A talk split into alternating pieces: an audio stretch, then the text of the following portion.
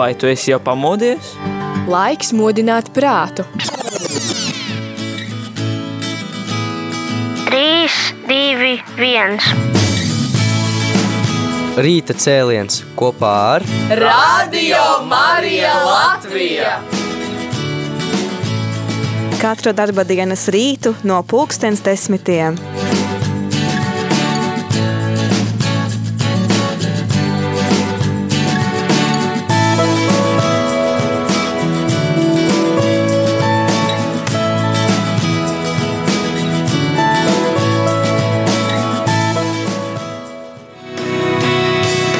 Labrīt, labrīt, radio Marija Latvija klausītāji. Pulkstens šeit studijā ir 10 un 11 minūtes un sveicinu jūs pirmdienā.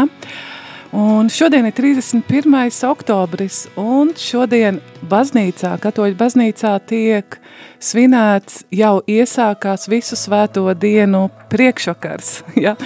Tautā šie svētki ne, uh, tādu popularitāti jauniešu bērnu vidū ir ieguvuši ar tādu nosaukumu kā Helovīns, bet katoliskā baznīcā rīt ir 1. novembrī tiek svinēta visu svēto diena, un šodien jau ir visu svēto dienu priekšvakars. Bet šodien mēs nerunāsim ne par Helovīniem, bet savā ziņā mēs runāsim par svētajiem. Un šīs dienas rīta cēliena tēma ir relikvijas. Un uh, es šeit neesmu viena. Bla, jā, kopā ar jums esmu Esaija Avotiņa, bet neesmu es viena. Blakus man ir kāds cilvēks, kas ir padziļināti iedziļinājies uh, šajā tēmā un ir pētījis. Tad uh, tā ir Agnese Miķelsone. Labdien! Jā. Vai tu rīta kafiju jau padzēri? Jā, es pagājos sešos, izdzert savu pirmo rīta kafiju. Apmēram es pusseptiņos. Tad skaitās, ka mēs esam pamodušās. Varētu tā teikt. Jā, Agnes, tad uh, sākam jau šo sarunu par uh, relikvijām. Tad man tev tāds, uh, jā, patiesībā cilvēkiem patīk, man šķiet, katoliskajā baznīcā godināt relikvijas. Un tad man ir tādi ļoti daudz jautājumi. Es dažus nosaukšu un pēc tam mēģināsim viņus atritināt. Vai mūsdienās relikviju godināšana ir populāra vai ir nepieciešams? Kādēļ šīs relikvijas tiek godinātas? Kas tad galu galā ir relikvijas? Un Vai Latvijā, kad tu pētīji savu darbu, par ko tu nedaudz pastāstīsi, vai šī relikviju godināšana tieši Latvijā ir populāra, vai ārzemēs, ārpus Latvijas robežām tas ir vairāk izteiktāks. Tie ir tādi daži jautājumi, ko es tev vēlos šajā rītā uzdot, bet ir jautājums, ar ko es vēršos pie tevi klausītāji, tas ir, vai tavā baznīcā ir kāda svētā relikvija. Un tālruņa numurs ir 67 969 131. Vari zvanīt un pateikt, tad, kas tad ir tava draudze, ja jums ir šī kāda, jā, ja ir kāda relikvija jūsu baznīcā, vai arī vari rakstīt un sūtīt mums īziņu 266 77 272. Agnes, tad vārds būs tev, un tad tas pirmais jautājums ir, kāds bija tava, ar šo tēmu tu beidzi Rarzī maģistrā, tas ir Rīgas reliģijas zinātņu, Augstākais reliģijas zinātņu institūtu, jā, un tu beidzi maģistrus, un tava pētījuma tēma bija? Relikvijas kā liecības par svētajiem. Jā, un tad uh, pastāsti plašāk, kādēļ tu vispār šo tēmu izvēlējies?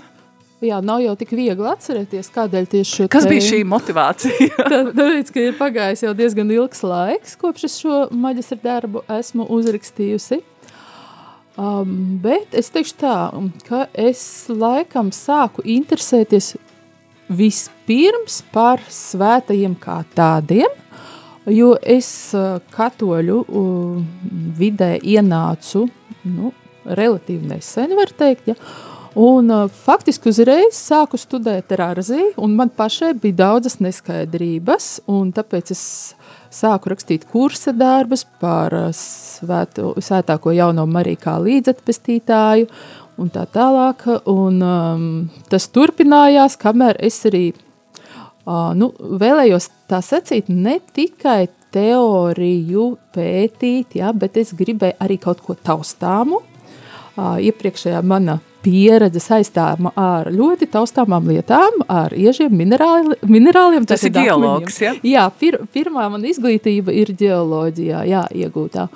Un tad, kā jau es teicu, es strādāju ar šādiem taustāmiem priekšmetiem, un laikam tas man iekšā ir, ka es arī vēlos kaut kādas, nu, taustāmus. Taustāmus objektus jau savā klātbūtnē redzēt. Pētīt, patiesībā, Pētīt, un, jā. jā un, un tā radās doma par uh, relikvijām, par relikvijām, ka uh, es pa, paskatījos, kā īstenībā literatūras nav nemaz tik daudz, vismaz tajā laikā, kad es rakstīju, tas bija gandrīz pirms desmit gadiem, arī citās valodās nebija tik daudz pieejama šī literatūra, un um, latviešu valodā, nu, pa, pavisam maz, un tad es arī pakonsultējos ar um, savu darbu vadītāju, priesteri Andra Priedi, kurš ir ieguvis grādu, doktora grādu baznīcas vēsturē, un viņš teica, jā, tas, tā ir interesanta tēma, un ja jūs rakstīsiet, es būšu jūsu vadītājs. un, un tā viss sākās. jā, tā viss sākās. Tad uh, varbūt, uh, vai tu vari rādījām arī klausītājiem, es pieļauju, ka ir cilvēki, kas to jau zina, bet vēl vienreiz atgādināt, ja kāds tagad brauc mašīnā un vispār nezina, kas ir relikvijas, jā, jā, nu vienkārši pirmo reizi izdzird šo vārdu. Kas ir relikvijas? Jā, tas ir ļoti labs jautājums, jo cilvēkiem ir um, arī tie, kas īstenībā sevis uzskata par katoļiem, vai var teikt tā pieskaita pie katoļiem, nepareizi izsakoties. Arī viņiem nevienmēr ir šis mm, priekšstats um, par to, kas ir. Es veicu pirms tam attauju, pirms sāku rakstīt arī internetā. Tad tur parādījās dažādi uh, atbilžu varianti, piemēram, vecas čības un kas tur vēl, un, un, un, un bez, bez, nu, bezmaz cirvīši un kas, kas, tik, kas tik vēl nebija. Vārdu sakot, ja mēs runājam par relikvijām, uh, tas ir uh, vai nu cilvēka ķermeņa daļa, ja, tātad svētā, baznīcas svētā. Vai arī kristiešu mocekļi, ja? Nu jā, nu, pat tas neobligāti ir moceklis. Jā. Tas var būt svētais arī, kurš ir apliecinātājs, piemēram, kurš nav no, miris mocekļa nāvē. Jā. Mm -hmm. Un š, varbūt jebkura ķermeņa daļa, tas var būt hauls, zops, mats, un mēs to arī bieži tajos uzrakstos, kas ir pie relikvijām apakšā, mēs redzam, mēs redzam ka, no kā tas ir. Ja tas ir eksosibus, tad mēs redzam, ka tas ir no kaula. Ko tas nozīmē šis te latīņu vārds, ko tu tas pateiksi? no kaules. Jā. Mm -hmm. uh, un tad, tātad šīs te relikvijas, kas ir saistītas tieši ar cilvēka ķermeni, mēs um, tradicionāli dēvējam par pirmās klases relikvijām. Īsnībā um, šo iedalījumu, nu, es pat teiktu tā, ka nevis es to sastapu kaut kur baznīcas dokumentos, bet drīzāk katoļu enciklopēdijās un tādā literatūrā, ka tas ir tā pieņemts. Lūk, tad vēl ir um, otrās klases relikvijas, tas ir kāda lieta, kas šiem cilvēkiem ir piederējusi ilgāku laiku. Tas var būt apģērbs, teiksim, ko viņš ir gan uh, valka, valkājis, kad viņš savas dzīves laikā, gan arī uh, tas apģērbs, kurā viņš apbedīts. Nu, var sakot, tas ir priekšmets, kas piederēs šim svētajam. Un uh, Laika gaitā izveidojās arī tāds jēdziens kā trešās klases relikvija. Nu, tas um, acīm redzot tādēļ, ka cilvēki vēlas sev, mm, sev tā teikt, mājās kādu šo te, kaut ko priekšmetu, kādu, kas ar šo svēto saistīts, bet, ja, bet, bet uh, relikvija kā tāda viņu nedrīkst ne pirkt, ne pārdot. Ja. Tad radās šīs te trešās klases relikvijas. Kas tas ir? Tātad cilvēki nu, nolēma, ka viņi var paņemt kādu lietu, pieskarties ar to pirmās vai otrās klases relikvijām, un tā būs tā saucamā trešās klases relikvija. Nu, piemēram, dod man kādu lūdzu piemēru. Nu, piemēram, Man šķiet, ka to varētu nodēvēt par trešās klases relikviju. Atceries, ka reli tas bija laiks, kad visa Latvija, visa katoliskā sabiedrība gāja uh, uz baznīcām godināt svētās Terēzes Nulizjē relikvijas, kas bija atvestas uz Latviju. Mm -hmm. Īsnībā, laikam, man tā bija arī pirmā tāda pieredze ar katoļu baznīcu, un no tā laika es arī paliku baznīcā. Jā, es arī uh, gāju mm, tātad satikties ar šīm relikvijām, un cilvēki kaisīja ziedlapiņas, ja, mēs zinām, ka tas svētais terēzes, tas tāds kā atribūts ar tām rožu ziedlapiņām. Un es domāju, ka ja šīs, nu, šo varētu teikt, bet principā, ka tā varētu būt trešās klases relikvija, lai gan, protams, ka viņas tās ziedlapiņas nepieskārās pašai šai te terēzei, ja viņi jau ir, protams, šajā te, nu, mm, šādā te konteinerā, var teikt, nu tā, traukā ievietot. Bet, nu, doma, es domāju, saprati. Vai ar kādu teiksim, drēbi, ko uzliek tajā pirmās klases relikvijai. Un tad tu to tā kā paņem pie sevis. Jā, jā, jā. Jo, nu, tas, es saku, tas ir tāds tautā iegājies drīzāk termins, es to teiktu vairāk, ja šīs, šis te iedalījums klasēs. Starp citu, es varu piebilst arī, ka pie pirmās klases relikvijām tiek uzskatītas arī tādas, kas nav mm, nu, saistītas ar cilvēka ķermeni, bet ir saistītas ar svēto ģimeni un ar lietām, kas ir viņiem nu, vai piederējuši, vai attiecīgi vieta, kur dzīvojas svētā ģimene. Mhm. Tā.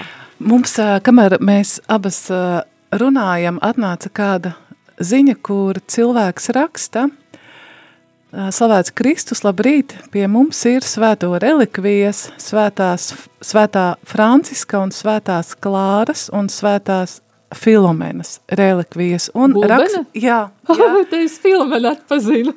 jā, jā, Gulbenē, jā. Uh, Tātad, rādījumā arī klausītāji, mēs ceram uz tavu iesaisti un savā ziņā tas gandrīz būs tāds pētījums.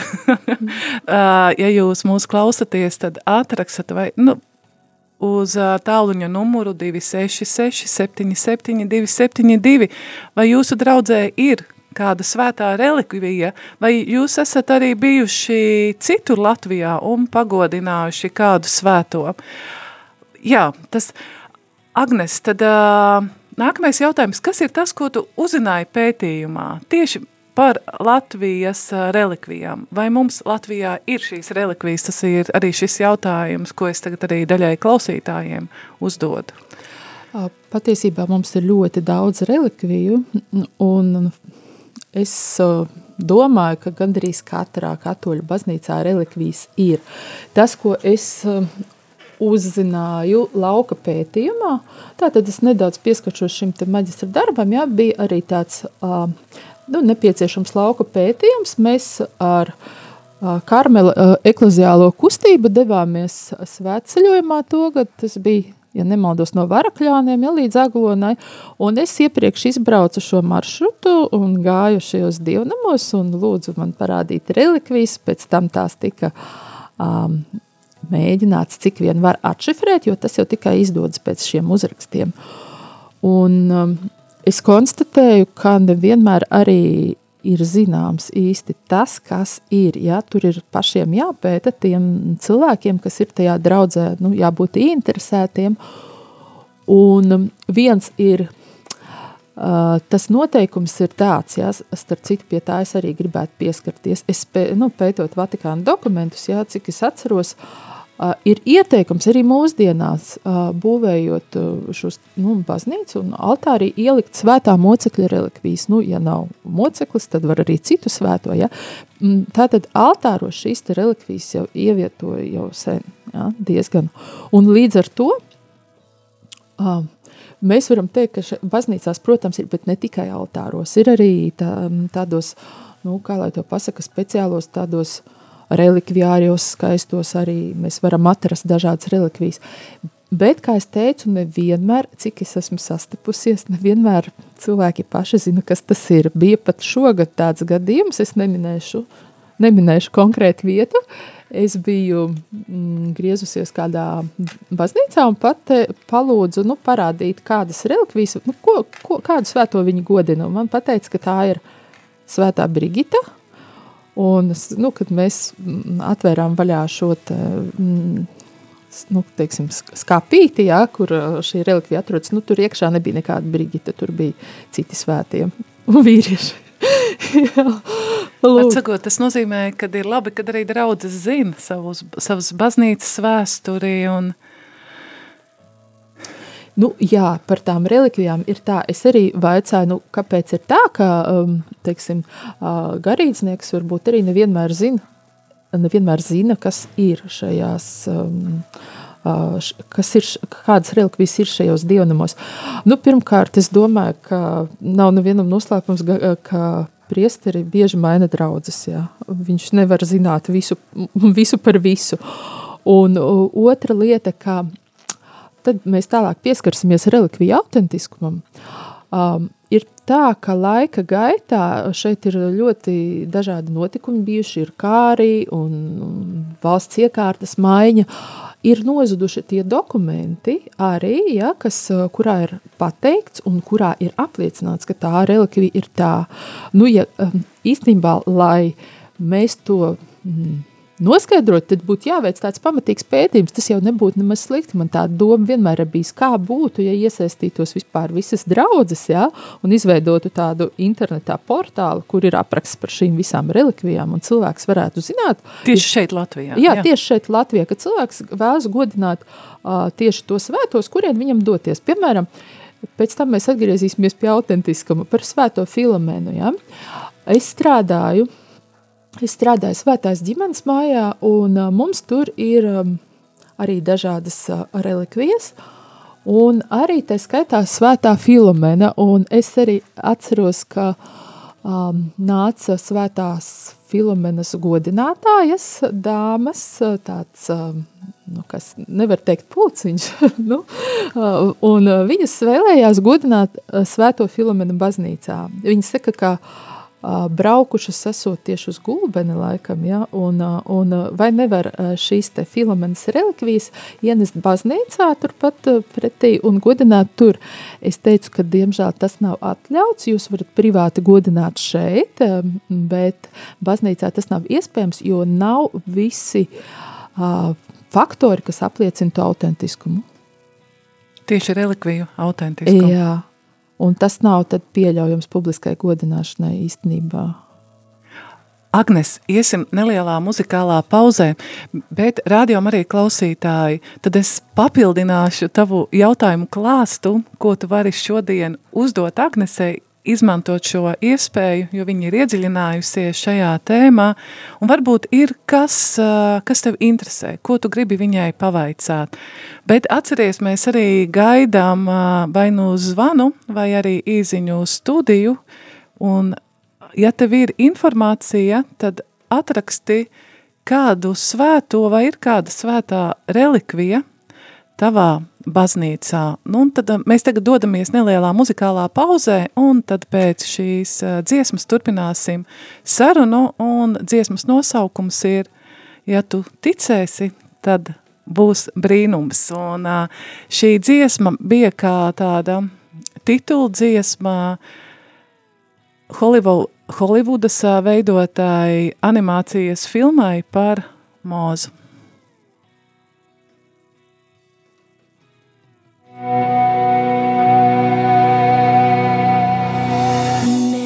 nights we prayed with no proof anyone could hear. In our hearts, a hopeful song we barely understood. Now we are not afraid, although we know there's much to fear. We were moving mountains long before we knew we could.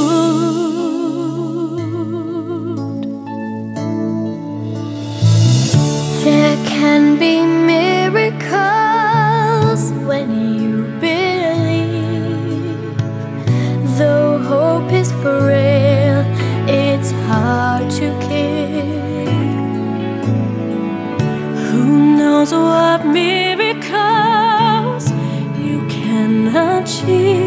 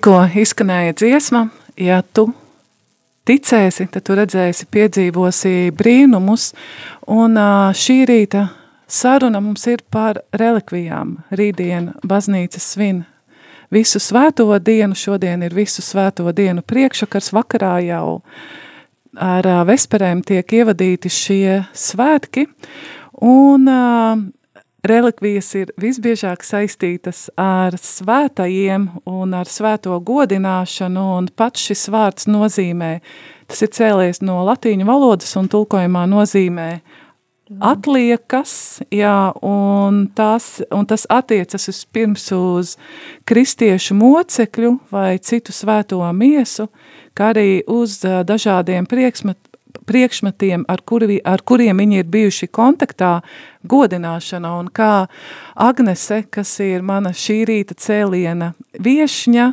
tad arī pastāstīja par šīm uh, relikvijām, kad viņas iedalās trīs klasēs, tur ir savi nodalījumi, savi nosacījumi, kādēļ tas tā ir. Un Agnese ir tas cilvēks, kurš ir iedziļinājies uh, šajā tēmā, rakstot uh, savu maģistra darbu.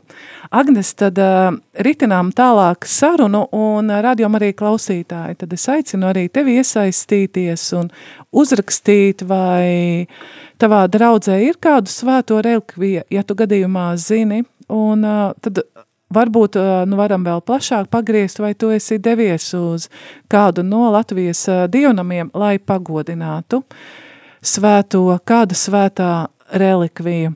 Agnes, kā mēs varam zināt, tu jau nedaudz pieskāries par filomenu šo filomenas nu, relikvijām, vai relikvijas ir autentiskas?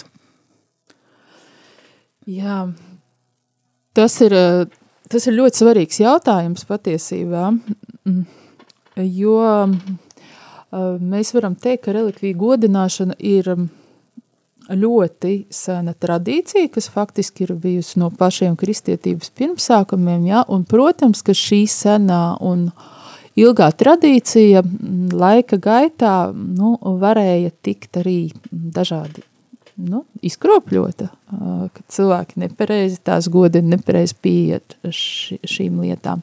Tātad es vismaz tādu nelielu atkāpi, ja, varu teikt, ka, nu, ja mēs atceramies kristietības pirmos gadsimtus, ka kristieši tika vajāti, ja, un bieži vien pat bija diezgan sarežģīta šīs mirstīgās atliekas iegūt, ja, nu, kā iegūt. Viņas pat speciāli tika dedzinātas un speciāli izkaisīti šie pelni. Nu, ir tādas liecības vēsturiskās. Un, lūk, un, laika gaitā radās šī tradīcija, ka tajās vietās, kur mm, bija kādu laiku atradušies svētie mocekļi, vai tie ir apglabāti, ja, ka tur cēla altārus, svinēja misas, un, un ar laiku Ar laiku, kad kristietība kļuva par dominējošo, faktiski vienīgo reliģiju nu, Eiropā. Eiropā jā, um, nu, sa, bija tāda situācija, ka baznīcas ir daudz, un tagad nav tik daudz to relikviju. Nu, un tad sākās šī relikviju dalīšana. Lūk, tāpēc Tāpēc arī radās vajadzības, starp citu, ir mm, Vatikāna, Vatikāna noteikumos, dokumentos rakstīts, ka mm, vajadzētu dalīt ne tik sīki, ka, ka mēs nesaprotam, kas tas vispār ir, bet praktiski jau var redzēt, ka tur tādi, nu, kā puteklīši. Nu, lūk, pie šīs te dalīšanas, kas, kas notika tālāk? Viduslaikos mēs zinām, ka cilvēki ļoti aktīvi devās garos svētceļojumos. Viņi gribēja pagodināt šos svētos, nonākt kontaktā ar viņu, atrasties tuvāk, protams.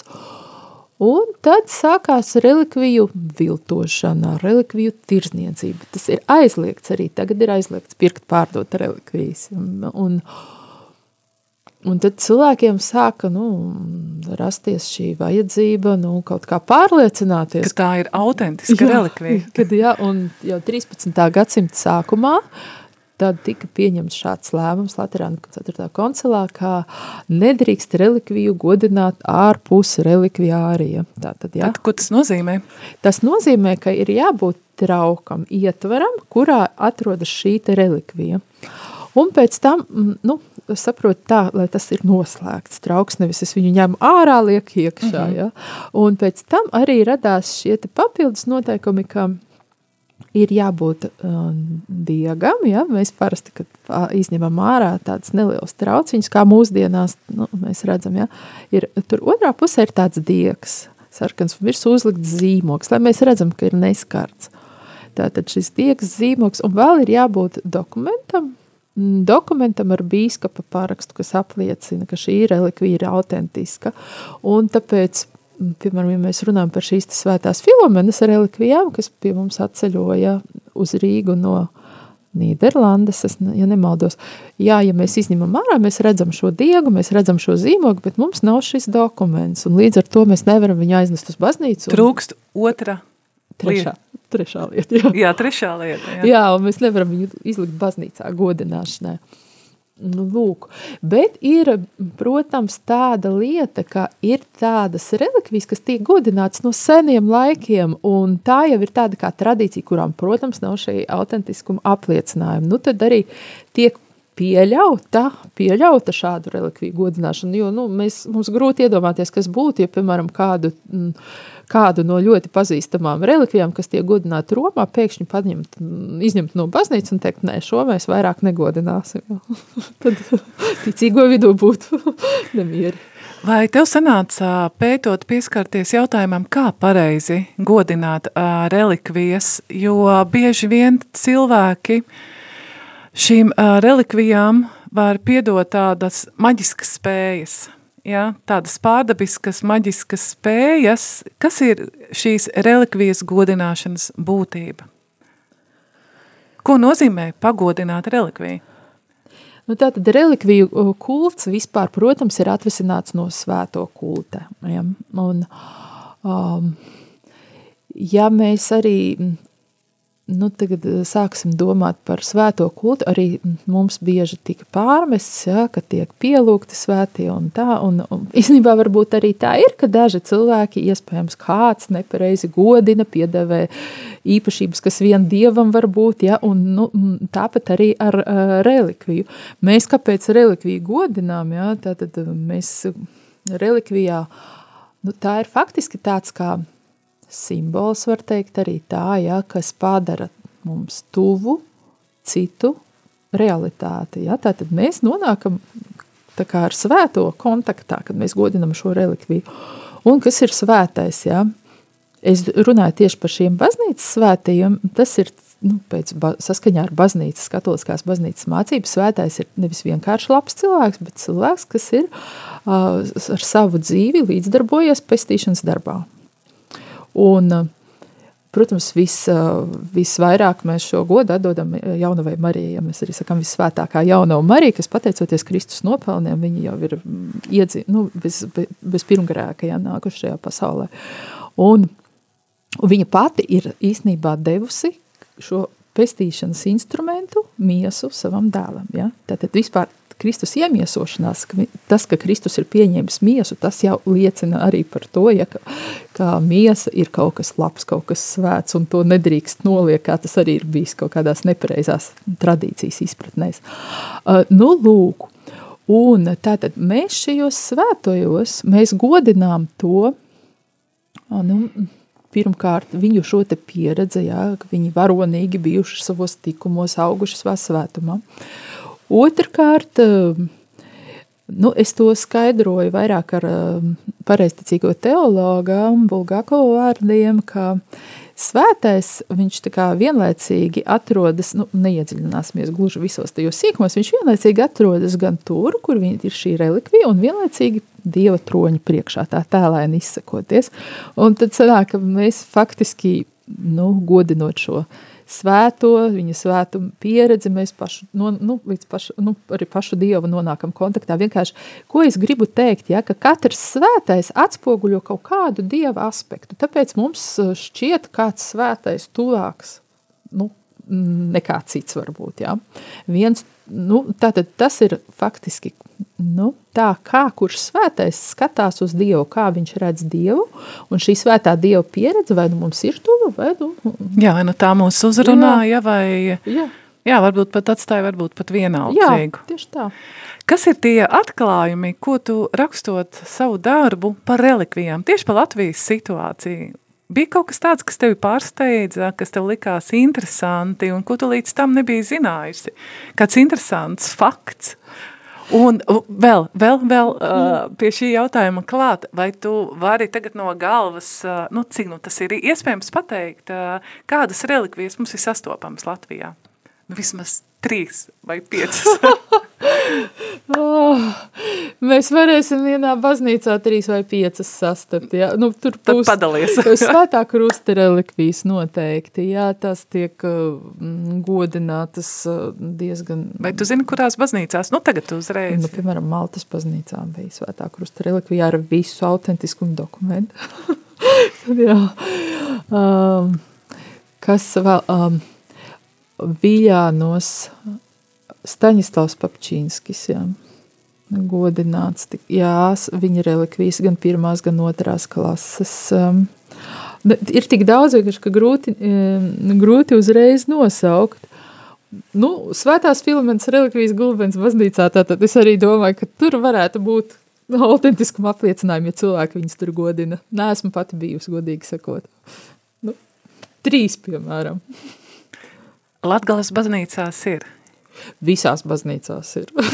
Faktiski visās ir. Vai tev pašai ir kāds, uh, kāda svētā relikvija, pie kura tu esi pati lūgusies?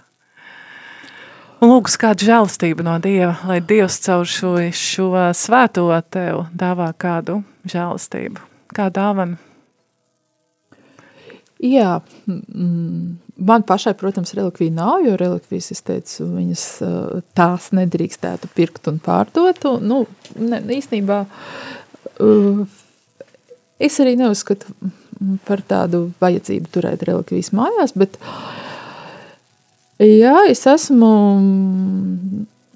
ja es vēlējos, piemēram, izdziedināties, vai vēlējos, lai kāds cits cilvēks dziedinās, tad es skatījos uh, kāds svētais ir ar šo dziedināšanas harizmu bijis attiecīgi pie tā vērsies. Es varbūt tagad uzreiz nekomentēšu, kuru mm -hmm. svēto, bet arī, mm, nu, piemēram, noteikti pie svētās ģimenes relikvijām.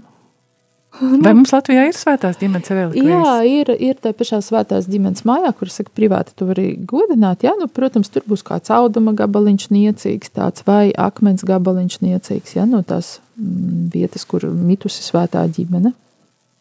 Mm. Nu tā. Kā tu domā, vai relikvijas tas tāds jautājums palīdz cilvēkam ticības dzīvē pieaugt? Šoreiz tavs, tavs, arī skatoties tev uz savu dzīvi.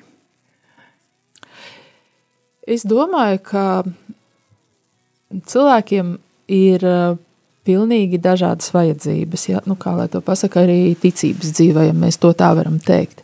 Varbūt ir laika periods, kad cilvēkam ir vajadzīgs vairāk nonākt saskarē ar svētiem relikviem. Varbūt ir um, ir mazāk. Ja, teiks, tas ir arī cilvēks, katrs mainās laika gaidā, mainās sabiedrība. Un ir varbūt cilvēks, piemēram, kuram nav vajadzīga šī jutekliskā pieredze, tā mēs varētu teikt, viņš var sēdēt kaut kur tuksnesī, jā, skatīties debesīs, jā, un kā te, te Jārs Šardēns pateikt, ka viss ir svēts un viss ir labi. Nu, viņam neko vairs nevajag. Ja? es, es tā uzskatu, ja? un arī tas, ka svētos ne viņu relikvijas, nu neviena piespies baznīcā godināt nevar, tā ir katra, katra personīgā darīšana. Nu, tā, ka es nevaru pateikt, ka tev šodien būs jāgodina, es nezinu, svētā avils Terēze, un tas ir obligāti, tā nedrīkst. Bet uh, katrā ziņā, kādā dzīves brīdī, kā tu minēji, manuprāt, arī šī svēto pagodināšana, aizejot uz kādu baznīcu un pagodinot uh, kādu lūkšanu, noskaitot, jā, lūdzot šī svētā aizbildniecība, tas ir stiprinājums garīgā dzīvē cilvēkam. Jā, es īstenībā domāju, ka vispār uh, nu, svēto sadraudzību katoliskā baznīcā tā ir Tā, Man liekas, fantastiski. Jā, ļoti, ļoti laba mācība. Nu, īstenībā, nu, pat, pat ja mēs nerunājam par relikviju, es atceros, bija mums profesore Māra Zilgala, kas teica, ka mēs studējām, nu, jūs pamēģiniet lasot darbu, nonākt uh, tādā kontaktā ar to autoru, vai ne? Nu, kaut vai lasot grāmatu, kaut vai viņš arī nav svētais, ja? Uzreiz jau kaut kā tu, me, nu, labāk sāc saprast to cilvēku domu, uh, Un, nu, ja tā ir svētā relikvija, nu, ja tu vēl teiksim, tā, e, kaut kādā apmaiņā ar svēto personu, nu, esi, nu, nu, tas ir labi. Agnes, mums raidījums jau ir gandrīz izskanējis, tad atgriezīsimies pie šīs te tavas ieceres, jo, ja nu kāds cilvēks klausoties šo raidījumu ir ticis uzrunāts, tad par šo datu bāzi savākšanu, vai kā nosaukt šo projektiņu, kas ir tavā sirdī, bet kas pagaidām nav vēl īstenojies? Nu, jā, ir man tāda doma, es nevaru teikt, ka es viņai ļoti esmu, mm, nu, kā lai saka, pati arī veltījusi daudz laika. Es domāju par to, ka būtu ļoti labi, ja mums būtu tāda datu bāze, visu, kas apkopotu visas Latvijā esošās relikvijas, uh, lai cilvēks varētu izvēlēties, kuru svēto viņš vēlas godināt, un, un tāpēc Tad, viņam nav jādodas uz ārzemēm. Jā, kad viņš vērš šeit. Jā. Pa, jā, pirms paša noslēguma tu pieminēji, kā tavuprāt ir arī, nu, veicot šo pētījumu, vai Latvijā godina mazāk vai vairāk svēto relikvijas, vai ārpus Latvijas robežām tas ir daudz izteiktāks, Jo tu noteikti arī palasīji ja, kādu informāciju, vai tev radās kāds priekšstats? Es teikšu, tas ir atkarīgs ļoti no valsts, no konfesijas. Ja? Nu, protams, ja ir pareizticība, ja ir um, teiksim, ka, katoliskās, nu, katoliskais pasaules redzējums ja, kādā valstī, tad, tad jā, nu, mēs nevaram runāt par protestantiem šajā gadījumā, kur šīs tradīcijas tā kā, nu, nav, bet e, ne, es negribu teikt, ka vispār nav, bet es gribētu teikt to, ka mēs arī varam, nu, teikt tā, piemēram, ja tā valsts ir, ja tā valsts ir bijusi ilgu laiku katoliskā, piemēram, Itālijā. Nu, skaidrs, ka tur ļoti daudz to relikviju. Es tur citu nokļuvu. Viena no manām mīļākajām baznīcām ir Svētā Ambroģo, Ambroģo bazilika, jā, Milānā. Un tur ir arī tāds muzejs, es pavisam nejauši iegāju, un tur tās relikvijas ir tik skaisti izstādītas, tie relikvijāri. Un, jā, un tad sāk stāstīt par nu, šie cilvēki, kas bija baznīcā, par to, kā viņi godina, kā iet procesijās. Jā, un, un, un es saprotu, ka tādās valstīs tās relikvijas, to relikviju ir krietni daudz vairāk, un cilvēki arī, protams, ka viņus biežāk godina. Tur. Paldies, tad rādījām arī klausītāji par to, kad bija kopā ar mums šajā rīta cēlienā. Šeit studijā biju Esaija Avotiņa un Agnese Miķelsone, kas ir pētījusi padziļināt šo tēmu par relikvijām Latvijā, bet tas nekas, ka rīta cēliens jau būs izskanējis, es ar prieku, tad uh, vēl gaidīšu jūsu īziņas, lai jūs uzrakstat, uh, vai jūsu baznīcā ir šīs svēto relikvijas, vai arī, kur jūs braucat uh, citur uh, Latvijā, lai tās pagodināt. Un, nu, es nezinu, es gribētu no sirds tev novēlēt, lai tev pietiek spēka, radošuma īstenot šo projektu par šīm relikvijām. Man šķiet, tas ir kaut kas tāds interesants un... Jā, es domāju, ka ja nes, tad kāds cits to varētu arī realizēt. Vai arī tev kāds palīdzētājs, palīdz, palīgs spēks jāpiesaista. Es domāju, ieguvēji būsim mēs visi, un ne tikai katoļi. Labi, paldies rādījām arī klausītāji, tad mēs dodamies, nevis dodamies, noslēdzam šo raidījumu ar dziesmu Debesu tēvs, ko dzied Monta Mil, Milbrete, un pēc neilga laiciņa rādījām arī ēterā tad izskanēs ziņas.